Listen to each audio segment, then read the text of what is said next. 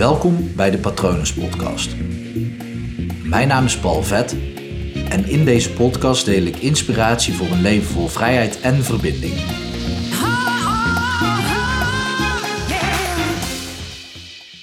Je comfortzone is niet altijd je leuke zone. Dat, eh, dat denken veel mensen vaak wel, dat de comfortzone ook meteen de leukste zone is. Maar dat is eigenlijk een verwarring. Je comfortzone is ja, dat ding waar je je comfortabel voelt. Alleen comfortabel voelt vaak, of dat klinkt wel leuk. Maar comfortabel heeft veel meer met vertrouwd en veilig te maken dan met dat het daadwerkelijk leuk is daar. En dat is wel interessant, want ja, we zeggen wel eens dat je buiten je comfortzone moet gaan omdat daar de magie gebeurt. Omdat daar ook je groeikansen liggen. Dus de groeizone wordt het ook wel eens uh, genoemd. Soms uh, heb je ook grafieken dat je eerst de comfortzone hebt en dan de groeizone en dan eigenlijk de paniekzone als je te ver buiten je comfortzone gaat. Dat klopt ook wel. Maar dat is dus het lastige aan je comfortzone. Want je comfortzone, daarin zitten ook oude gewoontes en gedrag en patronen die je nu nog steeds toepast in je leven, die misschien helemaal niet zo leuk zijn of gezond zijn. Maar ook vooral niet, ze hoeven niet per se leuk te zijn. Denk bijvoorbeeld een, aan een simpel iets als een verslaving. Een verslaving aan alcohol, verslaving aan roken, drugs. Nou kan ik me voorstellen dat uh, sommige dingen dat het dat wel leuker maakt. Als je een drankje op hebt, dan kan het wel eens zo zijn dat je leven daar leuker van wordt. Of wanneer je drugs gebruikt, dat dat ook heel even leuker wordt. Uh, maar het is niet per se een, een gezonde, leuke gewoonte. Maar er zit ook bijvoorbeeld gedrag in um, waarin je jezelf saboteert. Zo saboteerde ik mezelf op school door te blijven zitten en zo in een andere klas terecht te komen. Dat was binnen mijn comfortzone, was dat de veilige omgeving. Het was misschien wel veel leuker om gewoon mee over te gaan en eerder uh, van school te kunnen gaan. Want dan had ik eerder in een nieuwe omgeving gezeten in plaats van een soort van robijntje omgeving. Uh, mocht je de reclame niet kennen, robijntje, wasmiddel, geen, geen reclame daarvoor, maar nou ja, als je het niet weet, dan uh, maakt het niet uit.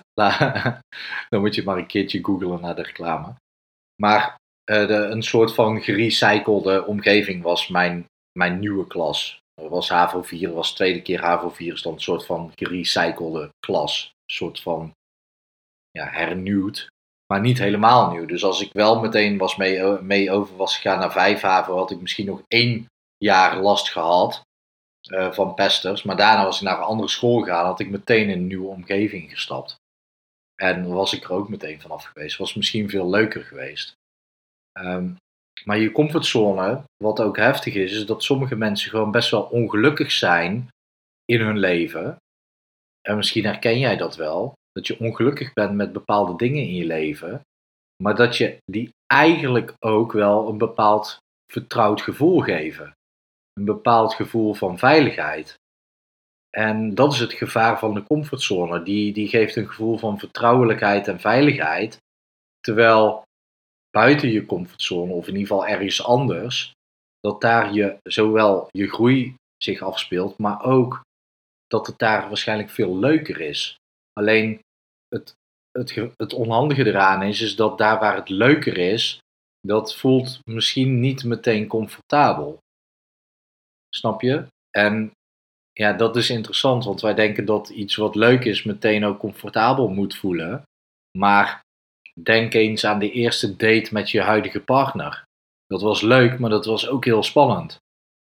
Dat was dus echt niet in je comfortzone. Tenminste, misschien wel hoor. Misschien kennen jullie elkaar al wel. Of was je zo zelfverzekerd van je, van je zaak dat het wel oké voelde. Maar probeer je maar eens een, een aantal eerste dates te herinneren die gewoon wel leuk waren, maar wel spannend.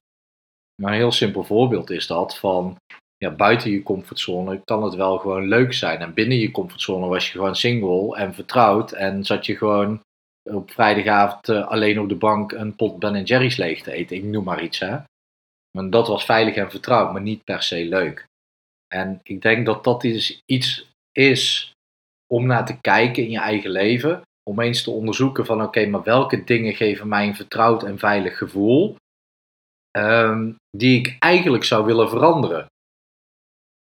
Dus misschien ben je wel dingen aan het proberen te veranderen die je wel een soort van veilig gevoel geven. En dan is het heel moeilijk om die verandering te doormaken.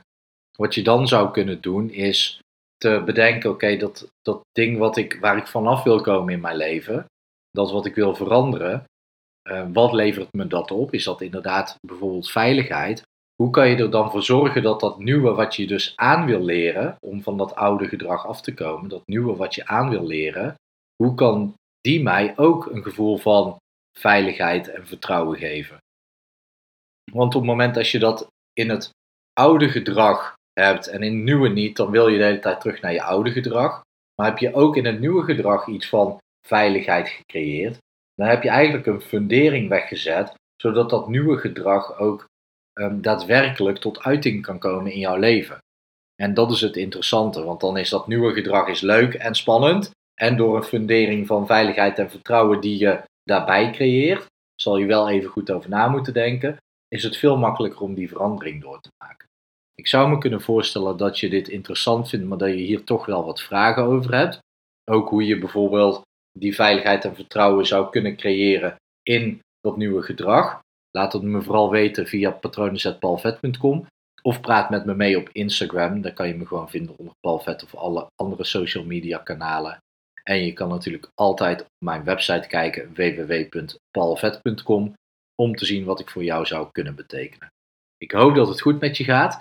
Ik hoop dat je een stapje richting je leuke zone wil zetten en gaat kijken hoe het daar is. En ik wens je nog een hele mooie dag toe.